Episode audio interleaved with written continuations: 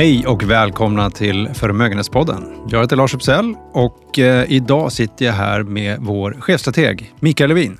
Hej! Hej! Hej! Välkommen tillbaka till skolan Mikael. Ja, tack. Nu, är det- nu är det hösttermin och, och ja, eh, ytterligare ett sånt där, vad ska jag säga, eh, del av hjulet som snurrar som till sist kommer bli ett år. Ja. Och det är idag den 30 augusti och eh, det är dags att plocka undan eh, badkläderna och lite annat. Det har blivit lite kyla i luften så hösten är på ingång. Eh, Skolorna är igång och så även vi här i Förmögenhetspodden. Ja, får bara avbryta dig lite där. Det är ju inte så att vi har, vi har helt tacklat av under sommaren. Det måste jag få för till, till, till protokollet. Marknaden tar ju inte semester. Nej. Och självklart så följer man ju med lite även om man ligger i hängmattan. Så eh, är det absolut. Däremot Förmögenhetspodden är tillbaka och nu tänkte jag att det du har fått med dig här nu från hängmattan. Eh, Ska du börja med att uppsummera lite grann vad vi har haft för marknad under sommaren? Ja, den har ju varit väldigt, eh, vad ska jag säga, varannan månadsmarknad. Och det följer ju faktiskt lite trenden så som, som eh, första halvåret då, 2022. Det, visst, det har varit i huvudsak ner, men det har varit vissa månader som, som har varit väldigt, väldigt starka. Och, och juni, om vi tar den första sommarmånaden, den, den, den var ju en katastrof, åtminstone i början av juni. Det var otroligt negativt på marknaden. Allting i princip föll. Eh, räntorna steg och aktiemarknaden gick ner. Så det, det, det var faktiskt en, en tvåsiffrig månad på minussidan för svenska aktier. Även om det tog sig lite grann på slutet av juni, då började liksom någon sorts ja, lite mer positiv trend. Det kanske var för mycket negativitet i marknaden. Eh, så juli blev ju fantastisk. Det var ju i princip en spegelbild av, av juni för de flesta tillgångsslag. Eh, och sen här under augusti, vi eh, är som sagt på sista dagen på augusti idag så de eh, riktigt sista siffrorna har ju inte kommit in men eh, det har varit återigen lite tillbaka till, till det negativa. Eh, så att för vissa typer av, av tillgångar, bland annat aktier, framförallt svenska aktier, så har det faktiskt över sommarmånaderna varit lite åt det negativa hållet, även om det då har svängt otroligt mycket. Men det är ju klart, det, det, det finns ju en hel del frågetecken och osäkerheten är stor. Och det syns ju då också på marknaderna i och med att det ena månaden så är det liksom klang och jubelspel och, och andra månaden så är det ja, i princip ner i källaren eh, på humöret då på marknaden och även på, på, på rörelserna. Så att eh, utifrån det perspektivet så har det ju varit faktiskt en ganska svängig sommar. Svängig sommar. Eh, men tack för den uppdateringen. Eh, Jag tänkte om vi skulle börja nu och prata lite, för det är ju ganska mycket osäkerhet på det makroekonomiska planet, eh, geopolitiskt och så vidare. Eh, Om vi skulle börja där och liksom, du tar fram kaffesumpen här nu och börjar spå lite grann i, i eh, liksom, ta makroläget och vad, du, vad du ser framåt. Mm. Ja, nej, men det är på marknaden, det är ju inte så att, att liksom varje månad så är det en ny spelplan. Det är ju i princip samma frågor som vi diskuterade innan sommaren eller som marknaden oroade sig för eller var glada över innan sommaren som gäller även nu. Och där handlar ju väldigt mycket om, om den ekonomiska utvecklingen. Inflationen har vi ju hållit på med nu i, i eh, ja, nästan två år. Det kommer vi att fortsätta att- att göra, var, var, var så säker. Och då eh, centralbankernas agerande. För det, det, det styr mycket av humöret på, på marknaden. Och för att återvända lite grann till det här ja, eh, sommarsvängningarna så, så har det väldigt mycket de här svängningarna att göra med hur framförallt den amerikanska centralbanken Federal Reserve väntas agera framöver i och med då dels den ekonomiska utvecklingen men framförallt inflationssidan. Eh, så att det hänger väldigt mycket på, på centralbankerna. Men ska, ska vi bara, eh, för de lyssnare som inte ser det som självklart, tänker inflation. Eh, varför det är så centralt begrepp, det är för att det påverkar räntorna. Intressant. Exakt. Och hög inflation det är ju inte bra för det gröper ju ur liksom värdet på dina pengar eller din köpkraft eller ditt sparande. Eh, och centralbankernas liksom första verktyg för att, att försöka då få ner inflationen det är som sagt att höja räntan. Eh, och i och med att den har ju stuckit rejält här under de senaste ja, ett och ett halvt åren, inflationen, och vi sitter ju egentligen i en situation som är lite ny för väldigt många. Det var ju 70-talet, 80-talet eh, egentligen som var den, den sista stora inflationsperioden. Så till exempel du, du och jag är ju inte vana vid inflation och det är ju många som inte är det. Så det är ju en delvis ny situation även för centralbankerna. För de, de har ju snarare fått kämpa de senaste 10-15 åren mot deflation. Att det är för låga prisökningar i, i, i samhället och räntorna då som till och med har varit liksom negativa. Mm. Vilket också är lite knäppt. Men för att komma tillbaka till, till just den ekonomiska utvecklingen så, så eh, Ja, det finns som sagt en del frågetecken, vi ska inte hymla med det. Eh, den globala ekonomin bromsar in. Eh, och eh, huvudscenariot här skulle jag vilja säga är att eh, riskerna ligger ju på nedsidan framöver. Det är svårt i närtid, ja, säg ett halvår, nio månader, kanske till och med ett år att se någon sån här liksom uppenbar trigger eller drivkraft som, som kan vända den ekonomiska utvecklingen och att vi ska få högre tillväxt igen. Eh, det, det, det finns saker på plussidan, det finns saker på, på eh, den, den negativa sidan. Men, men i nuläget så tror jag de negativa eh, överväger lite grann. Och som vi har diskuterat flera gånger här i, i, i podden under året så handlar det ju också om riktning kontra nivå. Nivån är fortfarande hygglig men riktningen är neråt. De flesta prognoser för i år ligger på ja, tre är det tillväxten du tänker på? Tillväxt, ja. precis. Tack för eh, det. Det är lätt att bara komma in i, i flowet. Eh, de ligger på kring 3 procent, kanske lite under och sådär. Det, det, det är ingen hög nivå, men den är inte heller jättedålig. Eh, men skulle liksom 2022 börjar landa neråt 2% global tillväxt, en och en halv, ja då är det lite, då är det lite tyngre. Och sen den stora frågan och såklart, vad händer 2023? givet det här. Eh, men sen skiljer det sig som vanligt. Det, det går inte att dra hela världen över en kam. Eh, USA till exempel, visst, det, det går inte superstarkt där heller. Men, men det är väl, för att använda sån en kliché, det är den renaste smutsiga skjortan. Eh, det är USA. Där har man fortfarande en konsument som, som liksom har en stark balansräkning efter pandemin då mycket stimulanser. De är villiga att konsumera och framförallt så är det en väldigt, väldigt stark arbetsmarknad i USA. Det här kan ju ändras såklart, men mm. för närvarande så, så ser USA ut som den region som, som eh, liksom ja, går starkast. Och det är ju världens största ekonomi, så det är ju faktiskt positivt. Och förhållandet gäller lite likadant i Europa. Att, att eh, hushållen har hyggliga balansräkningar efter pandemin. Arbetsmarknaderna är faktiskt hyggligt starka för att vara i Europa. Det är ju inte samma tal som i USA, men Europa har ju en högre strukturell arbetslöshet än vad USA har.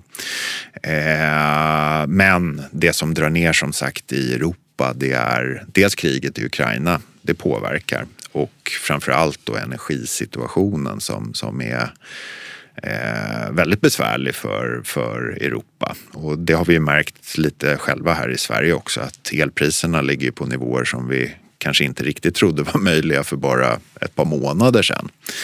Eh, och sen har vi Asien, framförallt Kina och där är det också just en del frågetecken. De, de, de har ett mål om 5,5 procents tillväxt i år, Kina. Det kommer inte att hända. Eh, Covid-nedstängningarna har vi läst en hel del om. Eh, även fastighetssektorn som har lite problem i Kina. Den är ju väldigt, väldigt stor i Kina. Eh, och det kommer göra att den kinesiska tillväxten kommer, ja, jag, jag har ingen bra liksom siffra på det men, men skulle man nå 2-3 procent så skulle det vara riktigt, riktigt starkt. Aha. Så att det, det finns som sagt en del frågetecken på den ekonomiska sidan eh, och hur då eh, man ska komma till rätta med bland annat den här inflationen. För att i ett läge där ekonomin då kanske bromsar och så centralbankerna kämpar med en hög inflation, då får de ju höja räntan. Och det riskerar ju att bromsa ekonomin ännu mer. För tanken är ju just att när ekonomin börjar falla eller gå mot en lågkonjunktur eller recession eller vad man nu vill kalla det för, då är ju tanken att centralbankerna ska sänka räntan. Och det här är en lite av de, fart igen. Ja, exakt, Ja. för att få igång hjulen. Och det här är en av de första liksom, situationer där vi börjar bromsa när räntorna är extremt låga och inflationen är hög så att centralbankerna behöver gå åt andra hållet. Ja. Och det är väl här någonstans vi hittar liksom, den stora osäkerheten hos marknaden för att den här liksom, gamla konjunkturcykeln eller gamla konjunkturboken eh, ja, den har ett nytt kapitel helt enkelt. Men, men har vi inte ett ganska stort dilemma också med att nu har kriget i Ukraina gjort att energipriserna går? Har vi Ja, förenklar det? delvis. Ja. delvis. Mm. Eh, och sen har vi Kina som är liksom en världens största underleverantör kan man säga till, till många andra som är ett problem när de har haft lockdown. Eh, och om Kina nu kommer igång så kanske man kan få lite fart på ekonomin. Då kommer det också göra att energipriserna fortsätter upp. Ja, det, Eller det finns en risk för det i alla fall. Det är en klar risk. Ja. Eh, så som, det, det finns ju inga så här liksom exakta siffror på det här men de uppskattningar jag har sett är att Kina här under första halvåret i och med alla lockdowns eh, det var ju ja, över 300 eller 400 miljoner människor som var liksom i lockdown. Eh, det gjordes att Kinas efterfrågan på olja minskade med någonstans mellan 3 till förlåt, 2 till 3 miljoner fat per dag. Och i och med att världen konsumerar ungefär 100 miljoner fat olja per dag. Så det är ju 2-3 procent och det är en ganska stor marginaleffekt om de här 2-3 procenten efterfrågan skulle komma tillbaka på marknaden. Och då har man ju, eh, skulle jag vilja säga, en risk för att, att framförallt oljepriset då kommer att, att eh, gå upp. Eh, så det, det, det är återigen, det, det finns inga så här bra raka svar. Nej. Det finns alltid många vinklar och det, det, det är marknaden. Eh, men just energisituationen i Europa, den, den, den höjer jag åtminstone ett varningens finger för. För att eh, till exempel så beräknades Tysklands energikostnader, alltså elkostnader, som andel av BNP förra året. Det var 1 procent. Det var vad Tyskland betalade liksom för sin, sin el. Och med nuvarande priser i Tyskland idag så ser det ut som, som eh, nästa år då, om de priserna skulle hålla sig. Det är okänt. Men då skulle det kosta 13 procent av BNP. Så det, det, är liksom, det är ju klart att industrin, även hushållen, de, de kommer ju drabbas otroligt hårt om så skulle bli fallet. Eh, så att energisituationen ligger väl förmodligen absolut högst upp för de europeiska politikerna och även EU. Eh, här åtminstone i det korta perspektivet, säger, ja, inför vintern. Det här har ju även politiker snappat upp. Det är ett val här om eh, någon vecka. Och, Ja, i Sverige, eh, ja. Och eh, mycket, mycket stimulanser runt eh, energi, energin. Där. Ja, nej men det, det säger sig självt att liksom, skulle du få en elräkning som är fem gånger den normala då, då det, nästan oavsett vem du är så kommer det att svida. Ja. Och det, det tror jag de flesta politiker åtminstone oavsett färg eller land eh, kommer att vara mycket liksom, observanta på. Men ska vi uppsummera makroläget med att eh, det finns en del orosmoln fortsatt? Oh ja. Eh, och, eh, men en liten fråga där. Har det, det har inte kommit några tendenser från Kina på att man ska sluta och stänga ner? Ja, det böljar fram och tillbaka. Det, det är liksom svårt att få en helhetsbild på det där. Eh, men det vi har sett här delvis under sommaren, vilket faktiskt är i den positiva vågskålen, det är att, att eh, de globala försörjningskedjorna där Kina är en viktig del. Eh, men vi pratade också innan sommaren bland annat om den här chipbristen som gör att din bil blir försenad i ett år och sådär. Eh, det har börjat lösa upp sig lite grann så det finns olika typer av indikatorer som försöker mäta liksom hur stressade de här globala försörjningskedjorna är. Och de har fallit tillbaka här under sommaren och en del av det är dels att chipsituationen i Tai- framförallt Taiwan har börjat lätta lite grann. Det är faktiskt överskott på en del av, av eh, de här chipsegmenten då, medan fortfarande underskott i andra. Eh, Men sen har det ju varit också med fraktkostnader, att det har varit otroligt dyrt att frakta saker. Och eh, det mäts oftast, det finns ju olika mått såklart, men huvudmåttet brukar brukar kallas för Baltic Dry Index. Och det har fallit nästan 40 procent i år. Och det är ju såklart positivt för då, då kan den här pressen som sagt lätta på försörjningskedjorna när det faktiskt går att frakta saker och att kostnaden har sjunkit ganska så rejält i år. Så det, det, det skulle jag säga att det ligger också i den positiva och det tar ju bort lite av trycket på inflationen också. För när det inte finns varor, ja men då är ju efterfrågan större än utbudet och då brukar ju pris, priserna stiga. Så att eh, den, den, den lägger jag lite positivt och Kina, Kina har ju en central del i de här globala försörjningskedjorna. Så man får ju hoppas nu att, att eh, ja, de, eh, de kanske blir lite mindre drakoniska med eh, lockdowns här framöver. För de, de fattar ju att de måste få igång tillväxten också såklart. Ja. Eh, men det var ju positivt att mm. eh, pandemirestriktionernas eh, impact mm. på, på ekonomin bör, börjar släppa lite grann. Det finns tendenser på i alla fall. Mm. Mm. Du, men i det här scenariot med kanske mer nedsida på makroekonomisk plan. Eh, vi, kan vi översätta det rätt ut i marknaden? att det är mer nedsida än uppsida, eller hur ska jag mm. tänka? Ja, precis. Det enda jag kan säga där är att jag kan inte garantera en nedgång. Nej. Eh, det här förhållandet liksom ekonomi, eh, global ekonomi, inflation, centralbanker och så vidare. Det är liksom inte ett till ett på marknaden. Det, det, det finns som sagt nyanser där. Och eh, jag tror att det kommer bli en, en spännande höst. Vi har ju haft ett riktigt besvärligt år för väldigt många tillgångslag. Eh, även om det då som sagt på vissa håll har hämtat sig lite under, under, under sommaren. Eh, men det är väl svårt, precis som ekonomin, att, att eh, ja, se någon sån där omedelbar trigger som, som liksom ska dra upp marknaderna kraftigt härifrån. Eh, jag tror att man kanske bör ställa in sig på eh, en sak som vi är lite ovana vid faktiskt och det är ett sidledes scenario. Eh, de senaste 10-15 åren eller efter finanskrisen så har det varit väldigt mycket av eller på. Antingen så har det varit ordentliga uppgångar och så har det kommit en liten korrektion och då har alla liksom, ja men nu köper vi dippen. Och det har ju funkat. Det har ju varit en jätteframgångsrik strategi de senaste 10-12 åren. Men det är just det där, det, det, har varit lite mer binärt, av eller på. Eh, och en del av den där eh, liksom tendensen den har ju varit på grund av att centralbankerna har varit väldigt duktiga på att, att så fort det börjar osa katt så har man eh, antingen sänkt räntan eller då kört den här så kallade kvantitativa lättnaderna. Och nu är vi i ett annat läge för att vi har inflation. Det vill säga centralbankerna kanske inte kommer att agera på det sättet som marknaden är van vid eller vad man ska kalla det för. Och det kan ju göra att, att det, det, vi kan faktiskt se ett sidledes scenario här framöver under en ganska hög volatilitet. Det vill säga, ta sommaren till exempel. Mm. Det var ner kraftigt i juni. Eh, för svenska aktier då som sagt 11,8 eller till och med 12 procent. Och sen juli, ja men då var det upp lika mycket. Och så har det varit ner lite nu i augusti.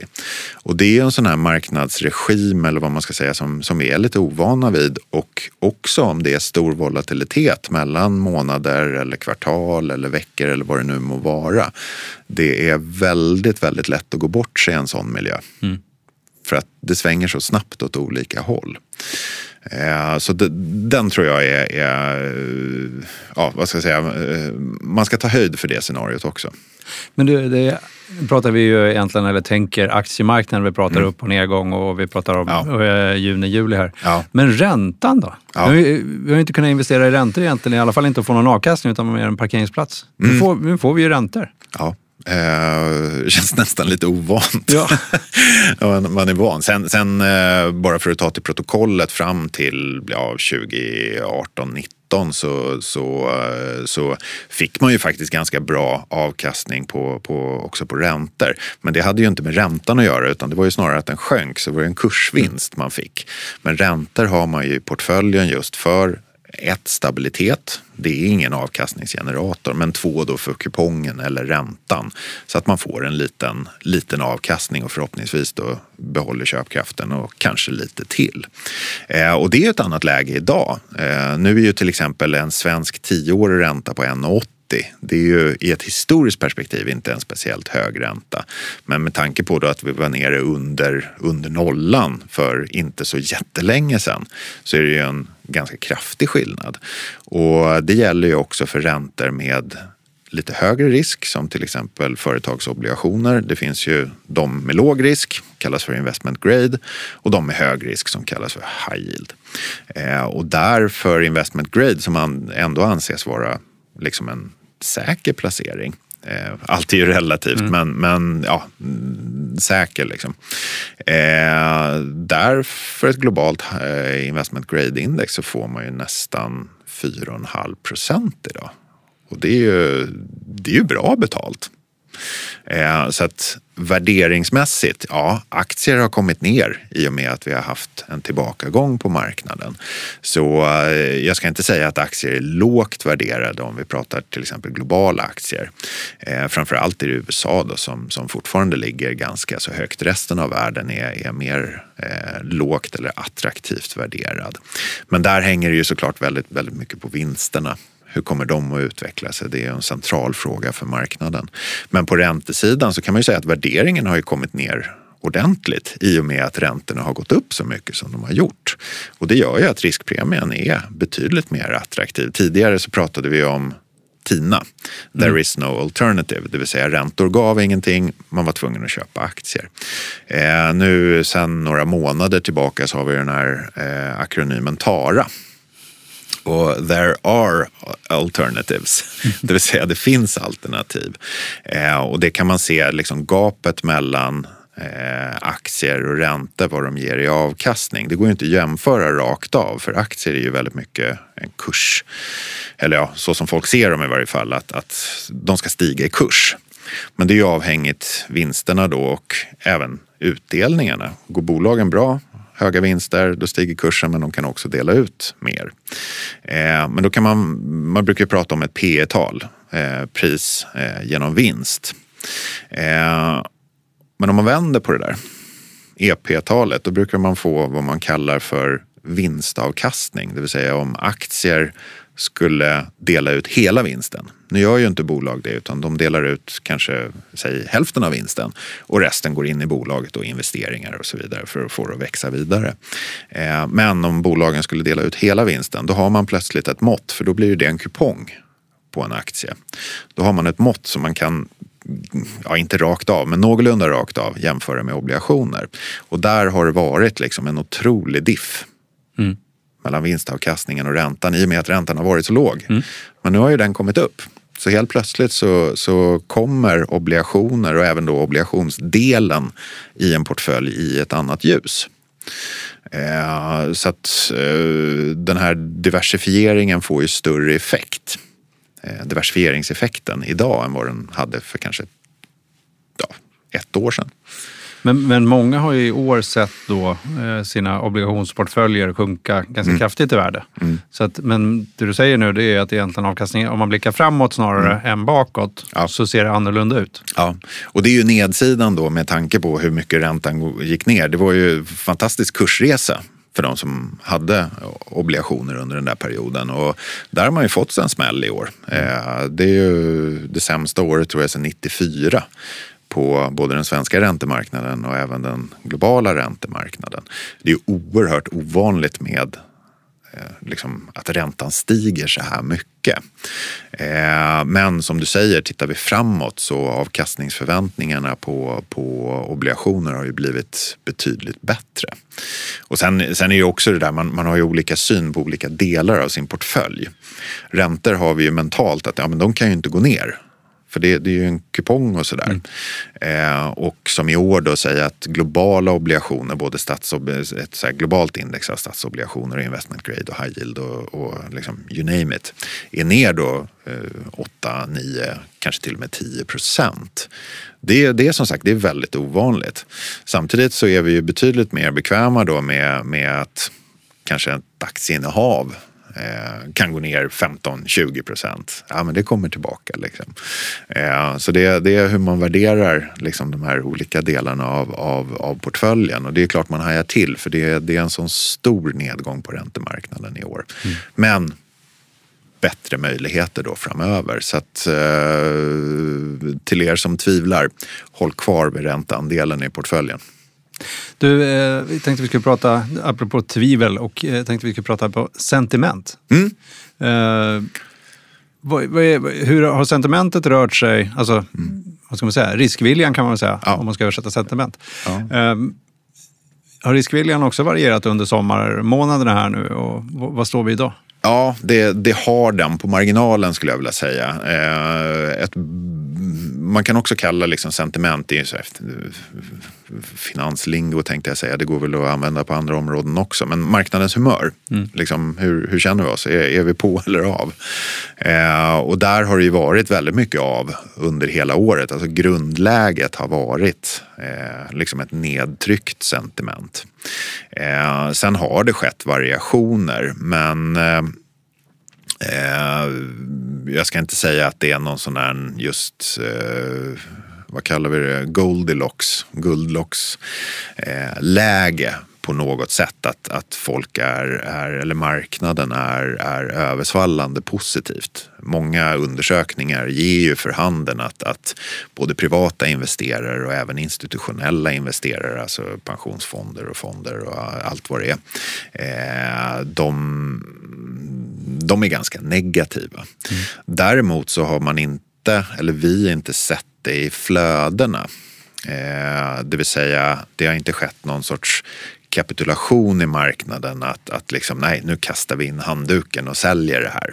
Eh, så att eh, allokeringarna i de här fonderna har fortfarande en ganska stor aktieandel om vi både tar den privata sidan och, och även den institutionella sidan. Så det är lite sådär en motsägelse att mm. marknaden är väldigt nedtryckt eh, och de tycker att det ser halvdant ut men, men i själva investeringarna så syns inte det här eh, liksom fullt ut. Och det, det kan man ju tolka liksom hur man vill. Eh, är det fortfarande TINA som gäller? Mm. Att det inte finns några alternativ till aktier? Eller vägrar man att se verkligheten och liksom håller kvar med någonting som kanske slutar illa? Eller ja, det, det, finns, det finns som sagt olika tolkningar. Men jag tror en grund tes här inför hösten är att, att vara beredd på att, att ja, det kommer vara fortsatt svängigt. Och kanske då eh, mer sidledes än någon klar riktning upp och ner. Nu kanske det är lite mer svängigt. Vi har också i vissa poddar här diskuterat att det normala på aktiemarknaden är ju att ha en ganska stor svängighet, alltså volatilitet. Mm. Mm. Men vi kanske inte har haft det heller de sista tio åren på samma sätt som Nej. är normalt. Nej, sen, kanske det här är lite mer än normalt. Men... Ja, precis. Vi har haft perioder av väldigt hög volatilitet, till exempel pandemin. Då. Men, ja, det goes without saying. Men, men det har varit ett par sådana perioder, slutet av 2018, 2015, 2016, där, där det har varit ganska stökigt på marknaderna.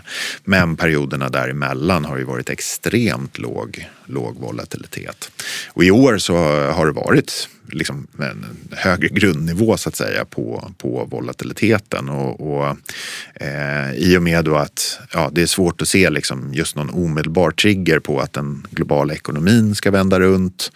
Eh, och centralbankerna höjer fortfarande, det, det är stor osäkerhet och sådär så jag tror man får vänja sig att det, det kan vara lite bumpigare här, här framöver.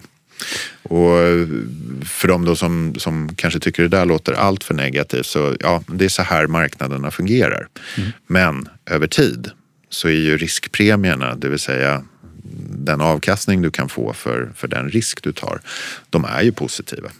Men om vi säger så här då, eh, om vi blickar lite framåt att sentimentet är ju också volatilt och går mm. upp och ner, oh, ja. Eh, det vill säga marknadshumöret. Eh, när marknadshumöret vänder till en mer positiv och vi alla mm. är påslagna så att säga, ja. eh, kommer marknaden redan ha vänt då? Ja, det, man brukar prata om snabba och långsamma pengar. Och de snabba pengarna, det vill säga de här extremt kortsiktiga aktörerna som till exempel hedgefonder, de är nog på bollen eh, liksom hyggligt tidigt. Eh, men eh, resten av liksom kollektivet, det, det, det kommer ta, ta lite längre. Men sentimentet i och med att det är så nedtryckt, det kan ju också potentiellt vara en positiv faktor. För om du säger, som du säger, att om det vänder, ja men då kanske det finns lite, lite uppsida. Men jag tror som sagt att det kommer att vara fortsatt liksom, eh, frågande, åtminstone, sentimentet. Eh, med tanke på då att de, de eh, frågetecken som faktiskt är utestående där, både eh, vad gäller ekonomin, inflationen, centralbankerna och så vidare. Så eh, kanske inte något så här översvallande positivt budskap, men det är verkligheten. Den, den är inte alltid som du vill. Eh, verkligheten den eh, pågår varje dag Ja. och vi kommer att följa den. Jag tänkte vi skulle börja runda av för idag. Ja. Eh, och eh, vi ska naturligtvis tacka er lyssnare för att ni har lyssnat. Och vi ska också vilja slå ett slag. Tycker ni att den här podden är intressant? Dela den gärna med vänner och bekanta, kanske en kollega. Vi kommer att eh, följa med här under hösten och eh, kommer med nya avsnitt eh, där vi följer marknaden och ser vad som händer med sentiment, sentiment inflation, aktiemarknader och räntor och så vidare. Eh, Vi kommer tillbaka, eller hur Mikael? Det gör vi. Tack ska ni ha.